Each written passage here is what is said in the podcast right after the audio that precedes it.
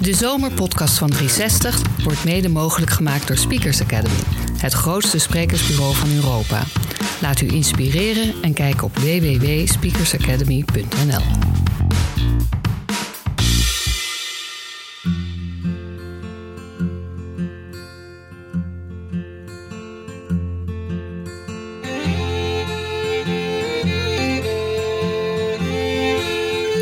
Welkom bij de 360 Zomerpodcast. 360, u weet wel, dat tweewekelijkse tijdschrift in print en online met elke twee weken een selectie uit de internationale pers.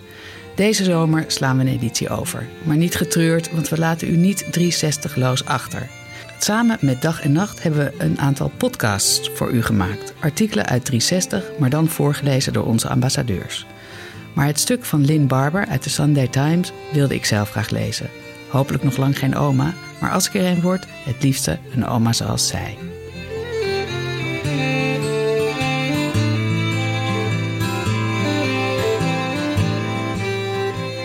Het is heerlijk om een slechte oma te zijn.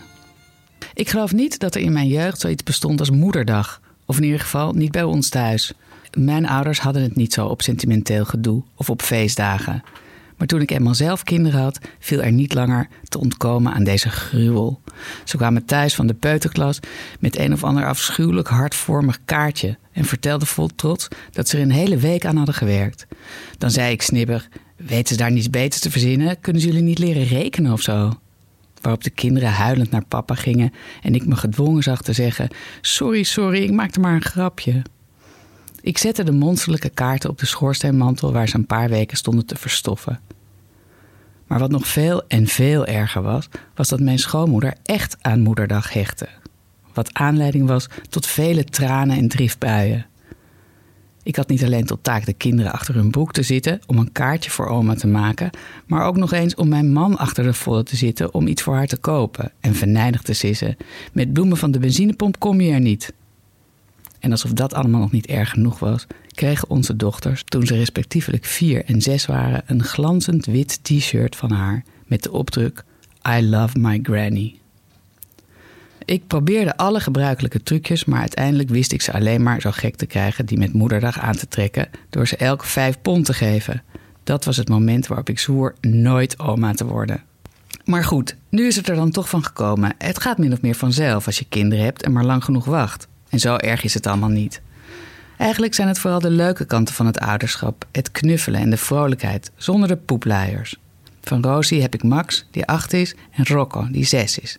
Van Theo heb ik Effie, van vijf, en Enzo van drie. Om het weekend ga ik naar Brighton en zo nu en dan komen ze bij mij logeren in Londen. Al gaat dat de laatste tijd gepaard met angstige voorgevoelens die meestal niet onterecht blijken. Ze maken niet eens zo heel veel stuk, al laten ze wel een merkwaardig plakkerig spoor achter op het vloerkleed. Het is meer dat mijn dochters het mij kwalijk nemen als mijn kinderen zich bezeren. Dit jaar had ik, had ik ze voor het eerst te logeren met kerstmis. En ik vond dat ik een oma-medaille verdiende omdat ik een kerstboom in huis had gehaald. Oh mam, jammerde Theo, je hebt glazen ballen in de boom gehangen. Straks eet Enzo ze op. Zou het? Echt? Heb ik echt een kleinzoon voorgebracht die zo onnozel is dat hij een kerstbal in zijn mond zou stoppen? Oké, hij is nog maar drie, maar je zou denken dat hij wel een paar boerenverstandgenen heeft meegekregen. Nou ja, de positieve kant is dat mijn dochters, de kleinkinderen, niet meer aan mijn zorg toevertrouwen uit angst dat ik ze op straat laat spelen midden tussen de auto's. Ik vind het wel best, ik geniet ervan om de kleinkinderen te zien, maar ik zit niet te wachten op de verantwoordelijkheid. Zeker niet de hele dag. Kinderen zijn loodzwaar en ik heb last van mijn rug. Ik vind het leuk om voor te lezen, maar ze in bad stoppen is een hoop gedoe en ik vind er niks aan om met ze te eten, omdat ik dan moet doen alsof ik het heel belangrijk vind dat ze hun groenten opeten. Wanneer hebben kinderen ooit hun groenten opgegeten? En dat is de druppel. Ik zou niet mogen roken of drinken waar ze bij zijn. Ik word ook geacht voor hun komst mijn hele huis te ontdoen van huisstofmeid. Wat me hele week zou kosten als ik het al zou proberen. Maar ik put moed uit recent onderzoek dat aantoont dat het heel goed is voor kinderen om te worden blootgesteld aan allerlei bacteriën en microben. Vroeger hadden we al die regels niet. We rookten en dronken tijdens de zwangerschap. Ik rookte zelfs nog in de verloskamer. We hadden geen kinderzitje in de auto. We gaven de kinderen suikerwater te drinken. We kochten ze om met snoep als ze naar bed moesten. Ik herinner me mijn verbijstering toen ik een moeder op het schoolplein hoorde zeggen dat we geen pinda's mochten neerzetten voor het kerstfeestje, omdat sommige kinderen daar allergisch voor waren. Allergisch voor pinda's? Het moet niet gekker worden, lachte ik vrolijk. Het werd natuurlijk nog veel gekker. En tegenwoordig heeft elk kind dan ook een hele waslijst aan verboden voedingsmiddelen: ijs, frisdrank, gluten, noten, chocolade. Ze moeten kennelijk van de lucht leven. Ik vond het prima om de slechte oma te zijn die alles best vindt. En hoewel ik het ontzettend irritant vind dat mijn kinderen zo streng zijn dat ze me verbieden om te roken, vind ik het ook ongelooflijk ontroerend. Ik ben blij dat ze zulke goede, gewetensvolle ouders zijn, veel beter dan ik destijds. Ze gaan nooit naar het park zonder zonnehoedjes, zonnebrand, wollen mutsjes, regenkleding, handschoenen en laarzen om voorbereid te zijn op alle mogelijke klimatologische veranderingen die zich in de loop van de middag kunnen voordoen. Ze spellen artikelen over de veiligheid van de verschillende merken, buggies en installeren een kinderslot op alle denkbare huishoudelijke apparaten. In hun ogen is mijn handtas een levensgevaarlijk voorwerp omdat er aanstekers en een nagelschaartje in zitten. Ik verheug me op de tijd dat de kleinkinderen tieners zijn en hier komen roken en drinken en de beest uithangen. Ik zal met alle plezier een slechte oma zijn. Maar nu al mis ik de baby's, ze ruiken zo lekker. Er was een tijd waarin mijn kinderen bijna elk jaar met een nieuwe baby kwamen aanzetten. Maar nu zeggen de dames allebei heel stellig dat er geen kinderen meer komen en dat ik maar moet wachten tot ik overgrootmoeder word. Ik ben bang dat ik niet zo lang meer kan wachten. Ik ben 72, maar ik kan wel de kleinkinderen zien opgroeien en hun aan het hoofd gaan zeuren dat ze kinderen moeten nemen, zodat ze, zodra ze uit de puberteit zijn. We schijnen tegenwoordig te moeten denken dat het heroïs en bewonderenswaardig is om op je zestigste nog een kind te krijgen, terwijl het slecht en roekeloos zou zijn om dat op je zestiende te doen. Daar ben ik het pertinent mee oneens. Jonge moeders beschikken over de vitaliteit en de flexibiliteit die vereist is om kinderen groot te brengen. Misschien is 16 nog wel erg jong. Maar wat is er mis met 21? Ik was maar liefst 30, een prima gravida op leeftijd. Toen ik mijn eerste kind kreeg, maar ik zou wel willen dat ik er eerder aan begonnen was. Als ik vrouwen van in de 30 of erger nog van in de 40 hoor praten over wanneer ze er klaar voor zijn om kinderen te krijgen, wil ik het liefste schreeuwen: Jezus Christus, niemand is er ooit klaar voor. Doe het nou maar gewoon. Probeer zwanger te worden en tel je zegeningen als dat lukt. En doe het in het ideale geval op de beproefde methode, door met een man naar bed te gaan in plaats van al dat gedoe met reageerbuisjes of een vleesbedruiper. Als je de ware nog niet gevonden hebt, doe het dan met de semi-ware of met een goede vriend. Bij voorkeur een homa, maar doe het. Natuurlijk weet ik ook wel dat er vrouwen zijn die geen kinderen kunnen of willen krijgen. En daar heb ik het nu niet over. Maar waar ik niet tegen kan, zijn die anti-kind mediatypes die vrolijk kwetteren over hun geweldige kindvrije bestaan. En zeggen dat iedereen wel jaloers zal zijn op hun fantastische carrières en exotische vakanties en prachtige kleren. Voor mij zijn het oude vrijsters die te veel naar Sex and the City hebben gekeken en die zichzelf een rad voor ogen draaien. Denken ze nou echt dat ze tot hun zeventigste voort kunnen met die obsessies met schoenen en handtassen en met de vraag of de man die naast hen in het vliegtuig zit hen al dan niet gaat sms'en?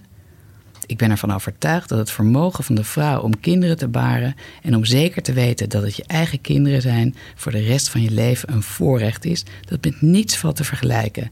En dat dit ruimschoots opweegt tegen alle vermeende glazen plafonds. Misschien laat onze carrière iets te wensen over. Het mocht wat. Schenkt het echt meer bevrediging om premier te zijn of CEO van een, van een FTSE 100 bedrijf? Ik heb nooit helemaal begrepen wat dat precies inhoudt. Dan om moeder te zijn? Nou ja, er zijn vrouwen die het weten te combineren, waarbij helaas het beeld van Margaret Thatcher zich opdringt. Maar waar het om gaat is dat de meeste mensen, zowel mannen als vrouwen, het nooit tot premier of CEO van wat dan ook zullen schoppen, waardoor het alleen nog maar meer voor de hand ligt om je met hart en ziel op het ouderschap te storten. En zo heb je tenminste nog een toekomstperspectief. Als we het dan niet zelf tot premier weten te schoppen, kunnen we altijd nog onze hoop vestigen op de achterkleinkinderen. Dat gezegd hebbende moet ik wel vermelden dat ik onlangs zo stom ben geweest om mijn dochters te vragen of ze mij een goede moeder vonden. Het was duidelijk een vraag die hen al jaren bezig hield. Je was een verschrikkelijke moeder, zeggen ze opgewekt in koor. Je kon niet koken, je kon niet naaien. Je probeerde niet eens iets met papier-maché te doen. Je vergat onze controles bij de tandarts. Je liet ons met luizen rondlopen. Dat wil zeggen, ik liet ze naar school gaan. Je nam allerlei geschriften al pers in dienst. Trouwens, mijn dochters zijn allebei werkende moeders en ik heb ze nog nooit op enige vorm van schuldgevoel kunnen betrappen. Maar mijn fout, begrijp ik nu, is dat ik heb laten merken dat ik het heerlijk vond om naar mijn werk te gaan. Het is de bedoeling dat moeders na een dag werken zeggen dat ze kapot zijn. Terwijl ik huppelend binnenkwam en vertelde dat ik die en die had gesproken en allerlei sappige roddels had gehoord. En dat ik naar een wijnproeverij was geweest en een hoop onkosten had gemaakt. Dat was tijdens de laatste hoogtijdagen van Fleet Street.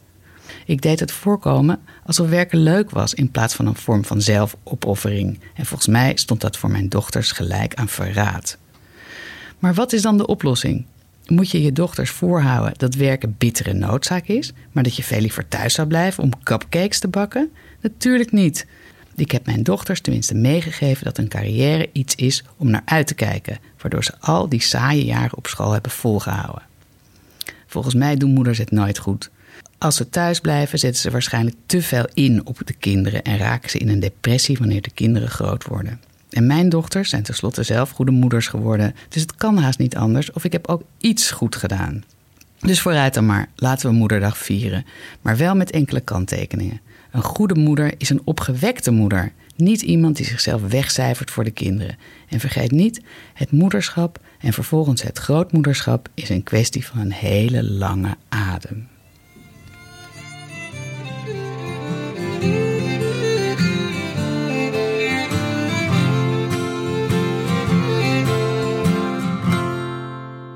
Wilt u meer van dit soort verhalen lezen? Ga naar 360magazine.nl, podcast en neem een proefabonnement.